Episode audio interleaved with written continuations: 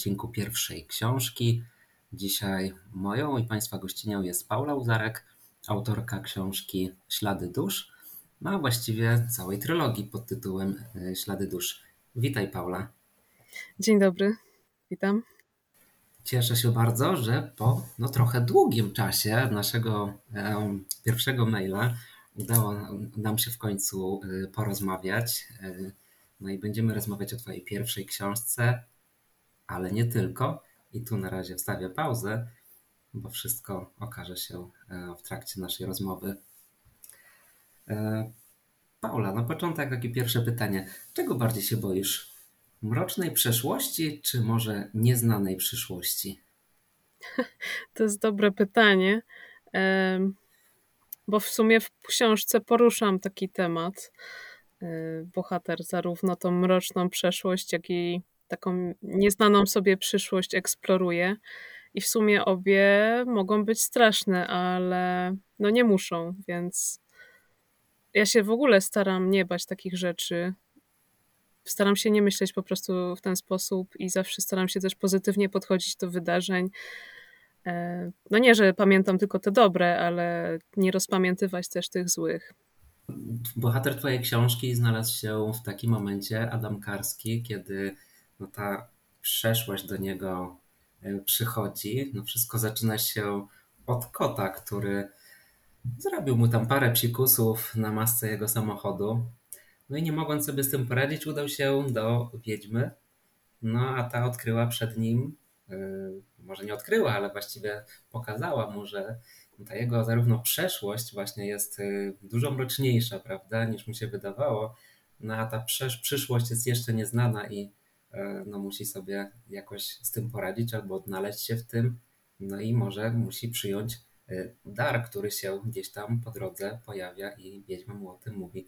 Czy każdy z nas ma jakiś dar, coś, co powinien odkryć? Wydaje mi się, że tak. Wydaje mi się, że każdy z nas ma w sobie coś do odkrycia o sobie.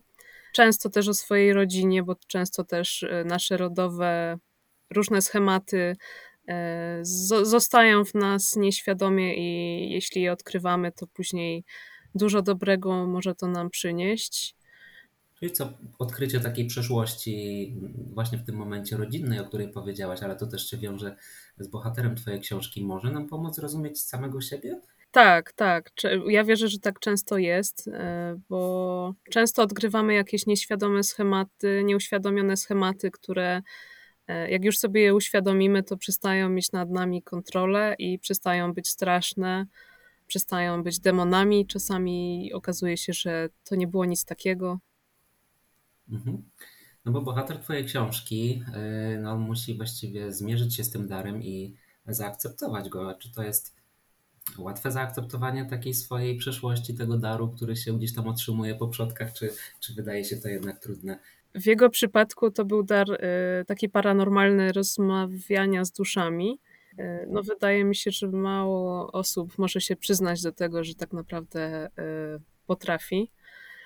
No, dla niego było to trudne, no bo jest facetem, który jednak twardo stąpa po ziemi. Jest, jeśli jesteśmy tacy właśnie twardo stąpający po ziemi i mielibyśmy taki dar, to ciężko by się było przyznać przed samym sobą nawet, że tak, że tak mamy, a co dopiero przyznać się przed innymi, na przykład uwierzyć wiedźmie, która tam nam stawia karty i mówi, że coś się spotka takiego, że wszystkie opowieści babci były prawdziwe, te wszystkie opowieści o duszach, y, które chodzą po poboczach dróg w nocy i tak dalej.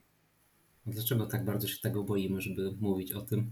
No zawsze to jest straszne, nie? To, co, to czego sobie jeszcze nie uświadamiamy, bo, boimy się tego, czy, o czym nie wiemy, a strach ma wielkie oczy, nie? Zawsze.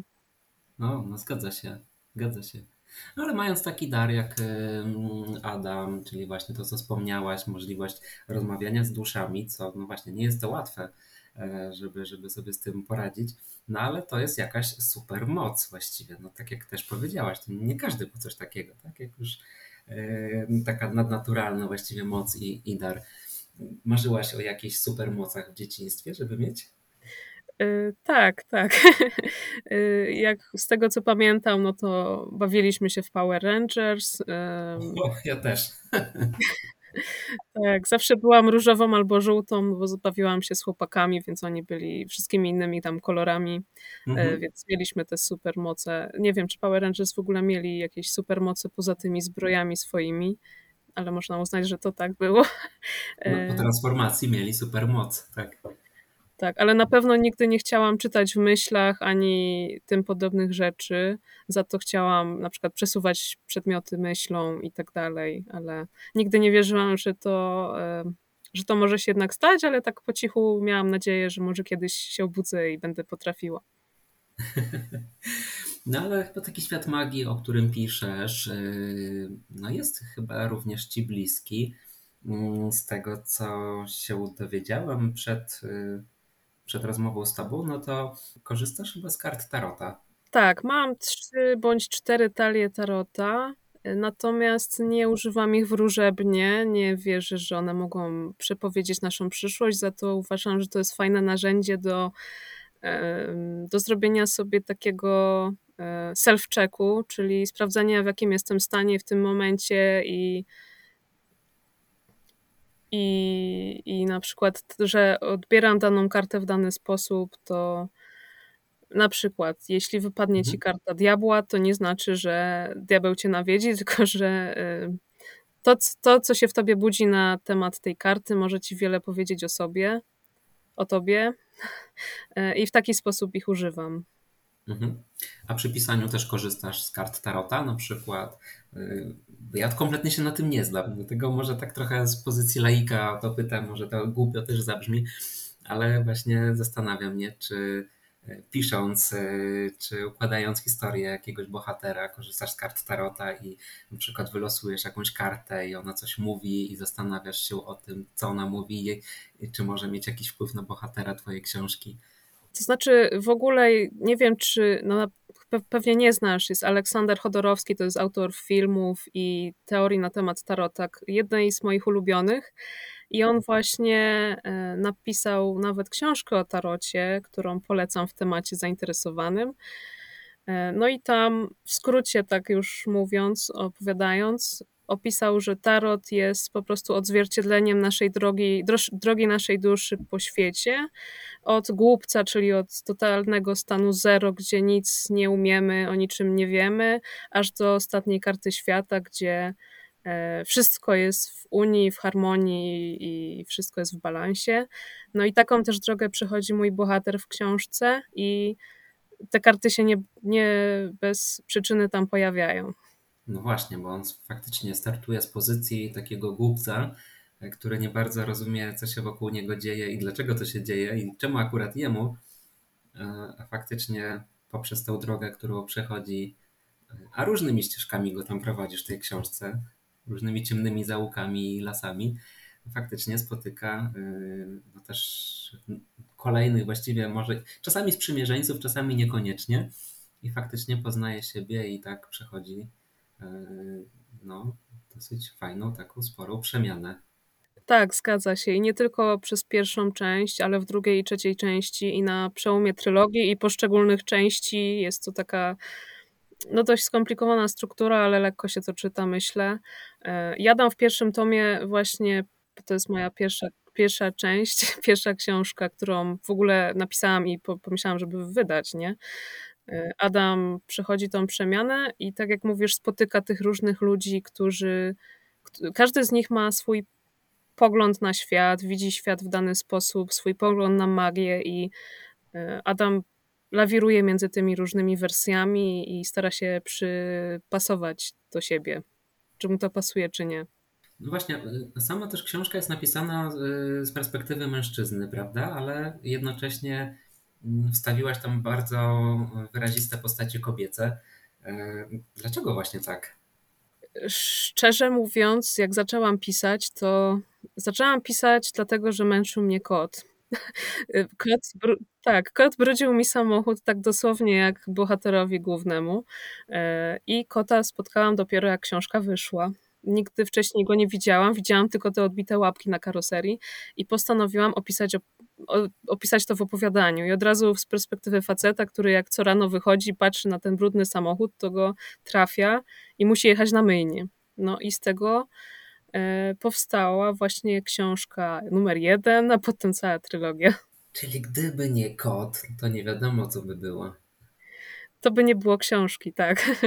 A zaczęło się od opowiadania, jak rozumiem, tak? Czy To znaczy, pierwszy, tak, pierwszy szkic miał być opowiadaniem, ale ja go pisałam i pisałam i pisałam i potem okazało się, że mam książkę. Niesamowite. Tak, tak. To wszystko przez kota. Ale spotkałaś go po wydaniu pierwszej książki? Tak, dopiero się pojawił, jak, się, jak wyszła. E, To jest, to jest bardzo ciekawe i jest czarny, a nie biały. Y, Wspomniałaś też o tym, że już jest, y, niedługo będzie druga książka y, i będzie też trzecia. Jak to będzie wyglądało? Kiedy ta druga książka się ukaże? Kiedy możemy ją zauważyć? 15 września książka e, wchodzi do sprzedaży, czyli jest oficjalna premiera e, trzech formatów: e, audiobook, e-book i książka w druku na życzenie. Będzie można ją kupić w Empiku, w Virtualo, czyli u mojego wydawcy i we wszystkich innych tam e, księgar księgarniach internetowych. A natomiast trzecia część, mam takie informacje, że być może jeszcze w tym roku się ukaże. Czyli będzie też cała trylogia, tak jak wspomniałaś. Tak tylko dla, dla jasności, mm, naszą rozmowę nagrywamy kilka dni przed premierą drugiego tomu, ale rozmowa ukaże się tuż, tuż po premierze, więc właściwie jesteśmy na gorąco praktycznie yy, przed tym, co się dzieje. A jak trafiłaś do tego wydawnictwa? W sumie bardzo przypadkiem, wiesz, bardzo przypadkowo. Moja znajoma mi powiedziała, że tam wysyła, no to ja też wysłałam i jakoś tak po dwóch dniach się odezwali. Jak to wygląda? Jak byś porównała to, co się działo przed pierwszą książką, przed pierwszym tomem, a z tym, co się dzieje wokół ciebie, z twoimi emocjami, z twoimi wrażeniami e, przed drugim tomem? Czy jest jakaś różnica, czy tak samo to odczuwasz? E, Na pewno jest podobnie, bo też się trochę denerwuję, co powiedzą ludzie i czy jak to odbiorą i tak dalej, ale jest mnóstwo wsparcia z każdej strony, mnóstwo ciepłych słów. I na pewno jest trochę inaczej, bo ludzie już się nie mogą doczekać tego drugiego tomu. Pamiętam premierę pierwszego. Wzięłam sobie po prostu dzień wolny, bo z emocji chodziłam po prostu prawie że po ścianach. I to był dobry, dobry wybór, bo prawie cały dzień odpisywałam na wiadomości, na gratulacje i tak dalej. To było bardzo, bardzo fajne. No to skoro wychodzi drugi tom i już ludzie na niego czekają, co wcale mnie nie dziwi, bo, bo sam na niego czekam. e, Co zatem musi mieć dobra książka w sobie, aby przyciągnąć czytelnika, żeby go zachęcić, żeby no, śledził ciebie i żeby podążył za twoimi śladami? E, Myślę, że do śladów dusz ludzi przyciąga ta magia taka nie do końca określona, e, nie bezpośrednio opisana, czasami jest bardzo subtelna i to jest taka magia, która też nas otacza. I myślę, że ludzie też chcą takiej magii w swoim codziennym życiu. No, jest tak, bo opisujesz coś, co właściwie dla wielu jest nieznane, y, albo takie właśnie magiczne, tajemnicze. No, nie każdy też chce się z tym może zmierzyć, a nie każdy ma też okazję przede wszystkim, tak? Nie ma y, pewnie możliwości. No. Powiedz mi jeszcze, y, co łączy Davida Tennanta i Ewę Green z twoją książką? E, Tak, ja, ja sobie wyobrażałam kiedyś, e, kto mógłby zagrać e, głównych bohaterów, i na pewno głównego bohatera Adama mógłby zagrać David Tennant, bo jest moim ulubionym aktorem. I też mi się wydaje, że sprawdziłby się bardzo dobrze w tej roli. No a Eva Green pasuje mi do Wiedźmy, natomiast musiałaby się przefarbować na rudo.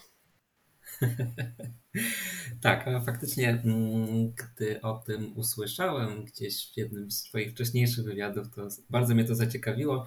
Niekoniecznie kojarzyłem y, aktora, sprawdziłem sobie i faktycznie w dużej mierze odpowiada jakby mojemu obrazowi y, Adama. Tu faktycznie myślę, że wybór byłby bardzo, bardzo dobry w tym momencie. Kolejne pytanie, które mam do Ciebie, bo z tego co też wiem, to interesujesz się malarstwem i bardzo bliski jest Ci Vincent van Gogh. Zresztą można to przeczytać yy, w opisie Ciebie, Twojej, twojej biografii, twoje, Twoim bio. Yy, Co Cię wzrusza yy, w malarstwie Vincenta van Gogha?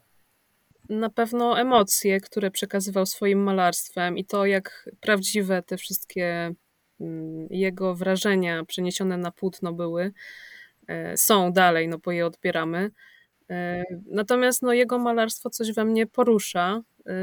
i kolorystycznie, i formą, i nie spotkałam jeszcze żadnego innego malarza, który aż tak na mnie oddziałuje.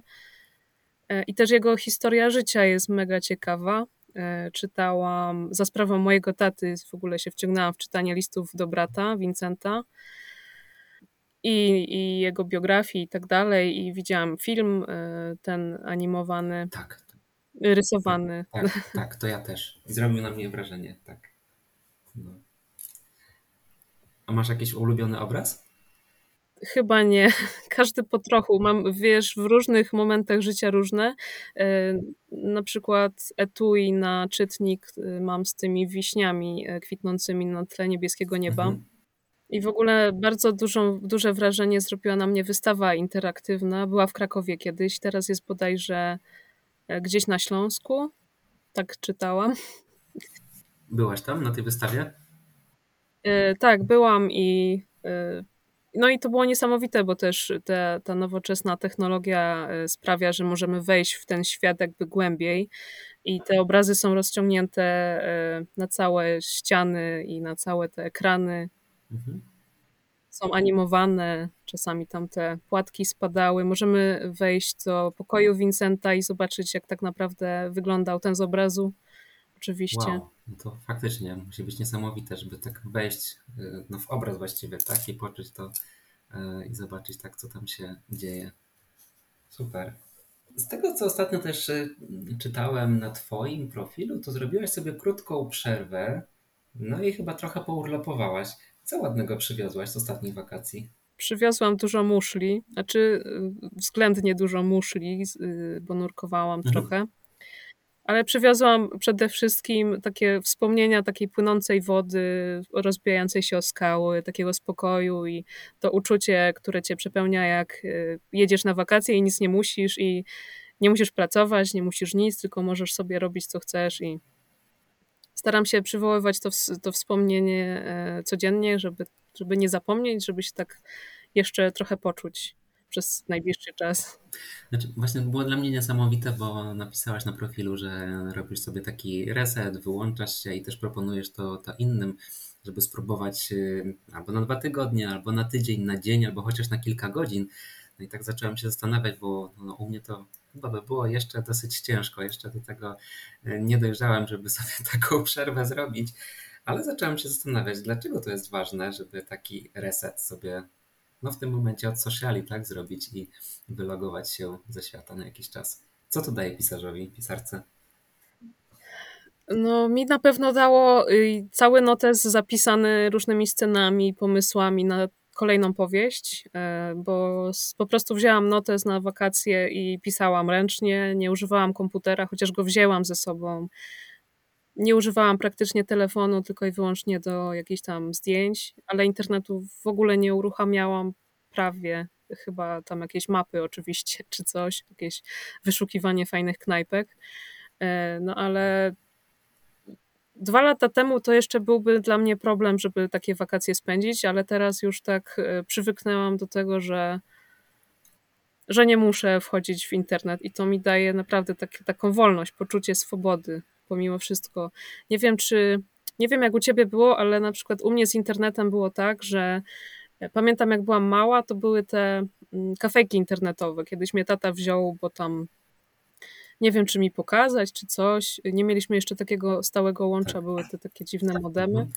E, no i pamiętam, że po godzinie się czułam taka mega zamulona, po godzinie buszowania w necie, a teraz ostatnio sobie pomyślałam, że przecież mamy tak codziennie i nawet nie zauważamy tego, jak jesteśmy nabodźcowani z różnych stron.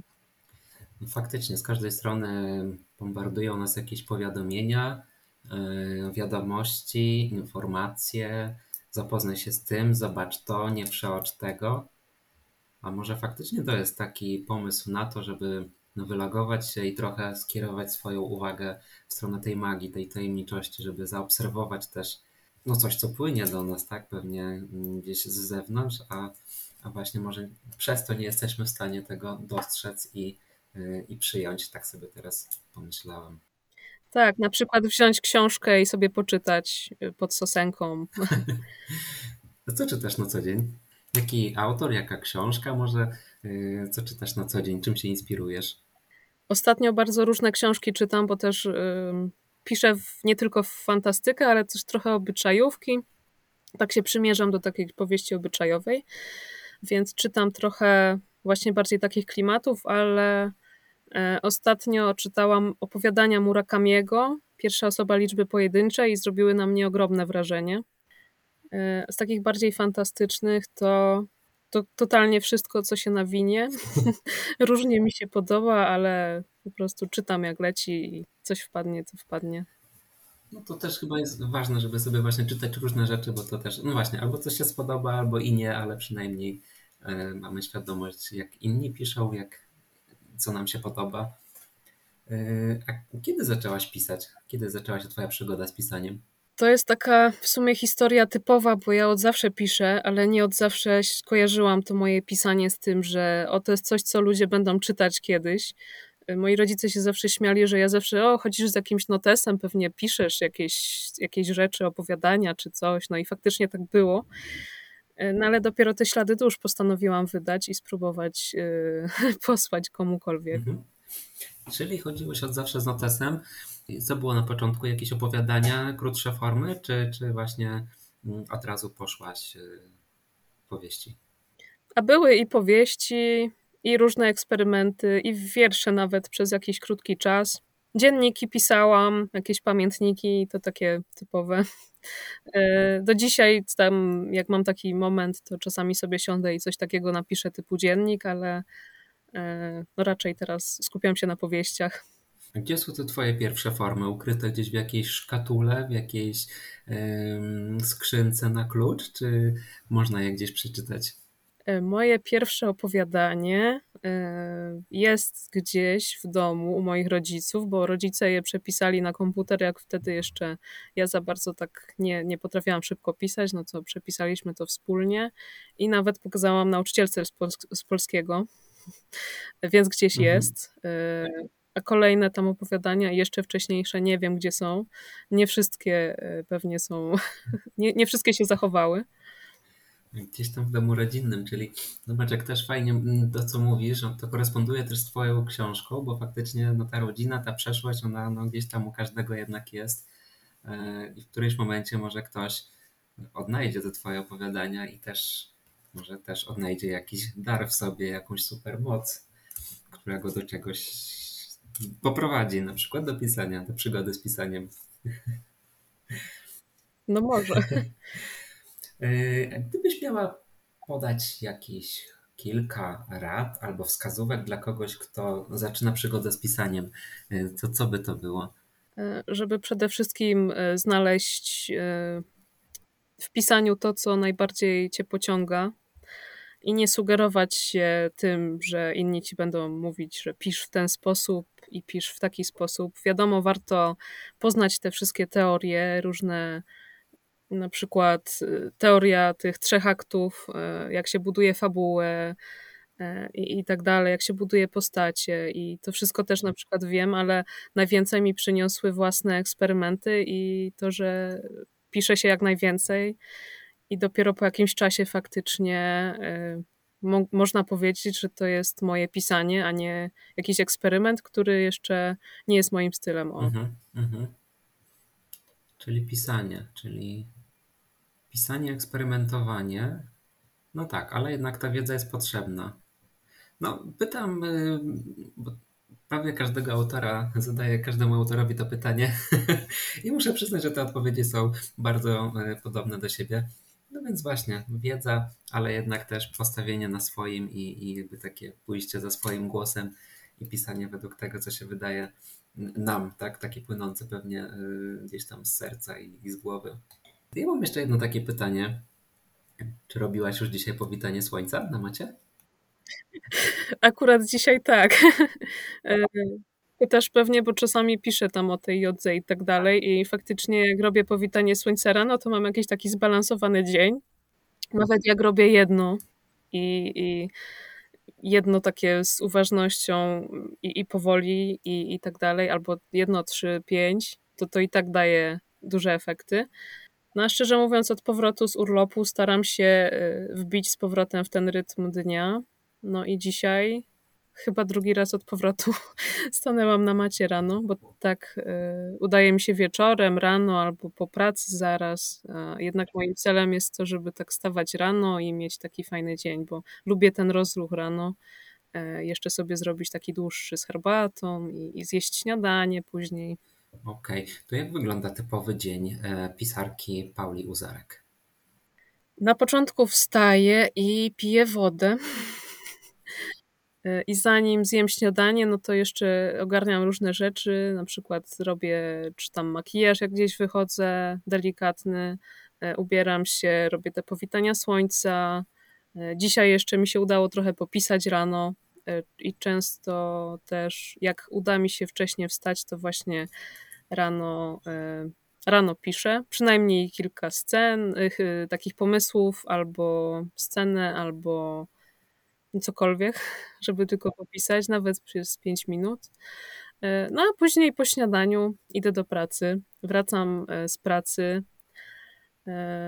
No i to jest właśnie różnie. Ostatnio ogarniam rzeczy związane z premierą, czyli szykuję sobie różne posty, grafiki y, i tak dalej. Teraz też toczyła się redakcja trzeciego tomu, y, więc, więc też biorę udział w tym procesie redakcyjnym. No, a jeśli nie mam nic innego takiego premierowego, no to zajmuję się pisaniem. Siadam i piszę scenę dziennie, albo i dwie, i i to jest taki typowy dzień. A ile znaków ma taka scena? Ile słów? Znaków? Ja liczę w znakach i myślę, że od 3 do 10-15 tysięcy, w zależności od sceny, od książki i naprawdę każda moja książka jest inna. No trylogia to jest trylogia, ale te późniejsze książki, e, każda jest inna. I każda też ma różną ilość rozdziałów, różną strukturę, różnych bohaterów, e, różny klimat. A, czyli, czyli już kolejne powieści są napisane, czy się piszą? Trzy są napisane. E, jedna będzie się jeszcze pisać, a w przyszłym roku, mam nadzieję, wyjdą jeszcze dwie na pewno, a może i trzy. Wow. Czyli będzie się działo. No u Ciebie jest fajne też to, że bardzo mocno właśnie ogarniasz y, takie sprawy facebookowe, ja to tak ogólnie nazwę, bo, bo widzę tego sporo i na Facebooku, i na TikToku. Dużo czasu ci to zajmuje? Czy ktoś ci to przygotowuje? O, tak, bo one są bardzo profesjonalnie niektóre zrobione rzeczy. Na przykład film zapowiadający twoją pierwszą książkę, no tutaj naprawdę zrobił na mnie wrażenie. E, jeśli chodzi o trailer e, z YouTube'a, który tam wrzucałam jeszcze na Face'a i, i tak dalej, no to robiłam to. Ja napisałam scenariusz, wybrałam wstępnie filmiki, ale montował i czytał e, Krzysiek Buratyński z voicestudio.pl, z którego bardzo serdecznie pozdrawiam z tego miejsca. I, no i to była taka pomoc, natomiast całą resztę tych facebookowych spraw ogarniam sama i te grafiki, i posty, i tak dalej. Dlatego na przykład na, na bloga już mam troszkę mniej czasu, więc Skupiam się przede wszystkim na tych, na Instagramie i na Facebooku. TikToka mam trochę tak eksperymentalnie, żeby zobaczyć, czym ludzie się jarają. Ja tam się jaram TikTokiem ostatnio i też eksperymentuję, więc gdzieś tam trzymam kciuki za to, co ty tam robisz i, i wstawiasz, bo no, jest to ciekawa też forma, myślę, kontaktu no, no, z w Twoim przypadku z czytelnikami, prawda, żeby ten kontakt był też na bieżąco. Jak często sprawdzasz statystyki na Empiku? Jeśli chodzi o opinie, to staram się nie czytać za często. Na początku po premierze czytałam codziennie, czy tam coś jest, czy już coś jest na Empiku, na Lubimy Czytać i tak na innych portalach. A teraz staram się tego nie robić za często, bo można się zrobić bardzo nerwowym. Pierwszy tom mamy za sobą, on się już ukazał już jakiś czas temu, teraz będzie premiera drugiego tomu. Dokąd nas zaprowadzą ślady dusz y, w drugim tomie?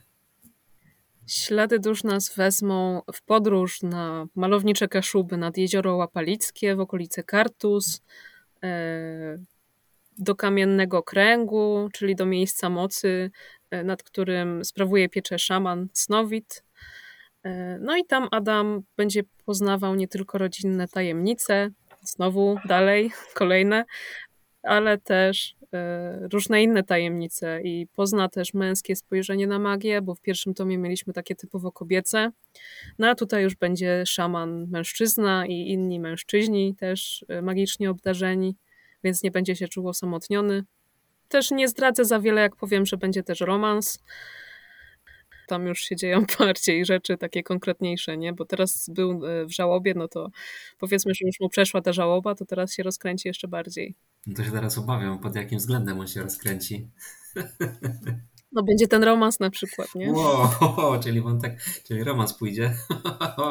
Nie, no ale nie taki typowy jak tam, wiesz, romansidła piszą różne osoby. Nie, jak 365 y, dni. Nie, nie, nie. Będzie Zoja? Czy wróci Zoja w drugim tomie? Być, być może wróci Zoja. Tajemnica, no tak.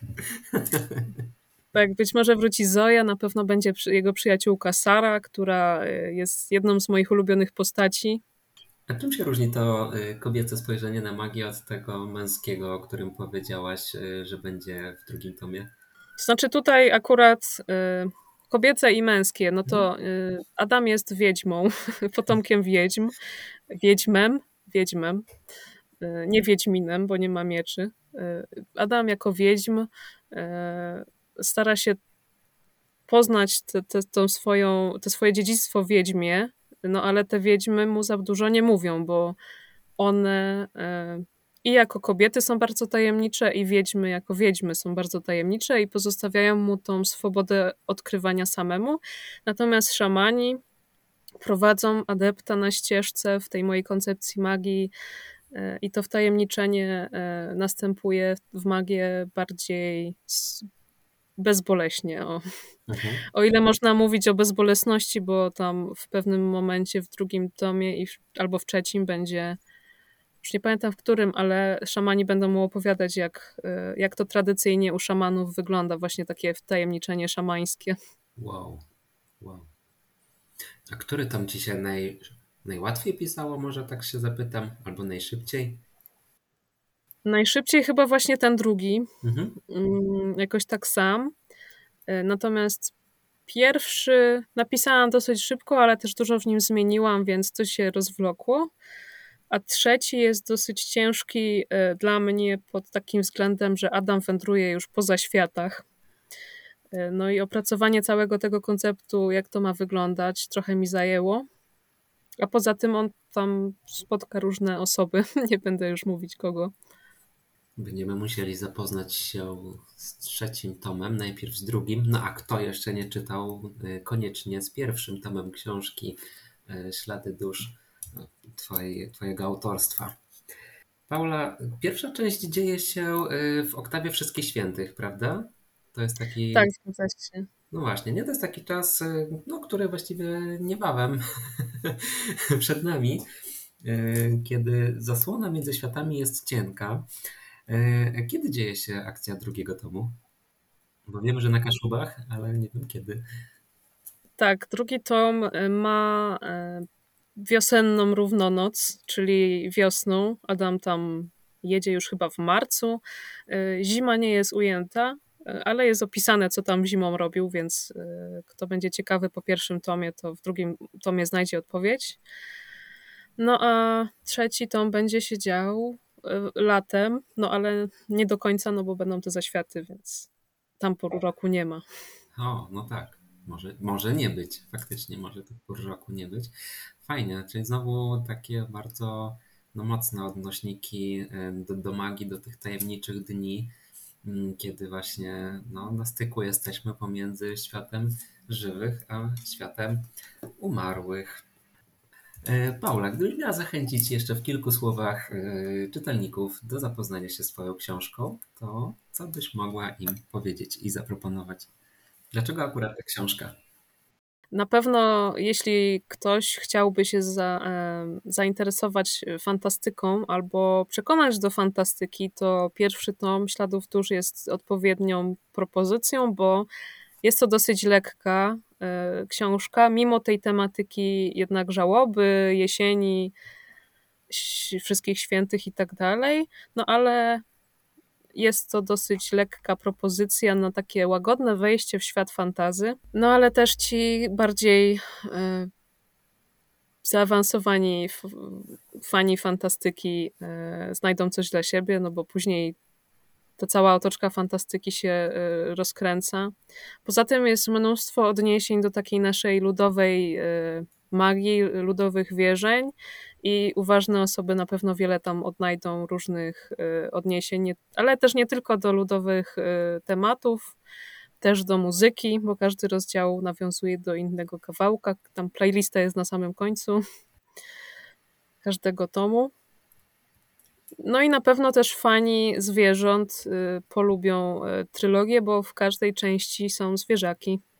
Zgadza się. W pierwszej części mamy zarówno kota, jak i psa, czyli faktycznie te zwierzęta się pojawiają, no i ten, są też właściwie bardzo mocnym, prawda, i takim no, ważnym akcentem. Yy, no kotka ninja, no tutaj od niej wszystko się zaczęło tak naprawdę. Tak. Paula, bardzo dziękuję Ci za rozmowę czytelników i słuchaczy zachęcam do zapoznania się z Twoją książką, z kolejnymi Twoimi książkami, które wyjdą już niebawem. No właściwie już jesteśmy po premierze drugiego tomu, więc jeszcze raz dzięki za rozmowę i do usłyszenia. Również dziękuję i życzę miłego, miłej reszty popołudnia. Dzięki. Hej.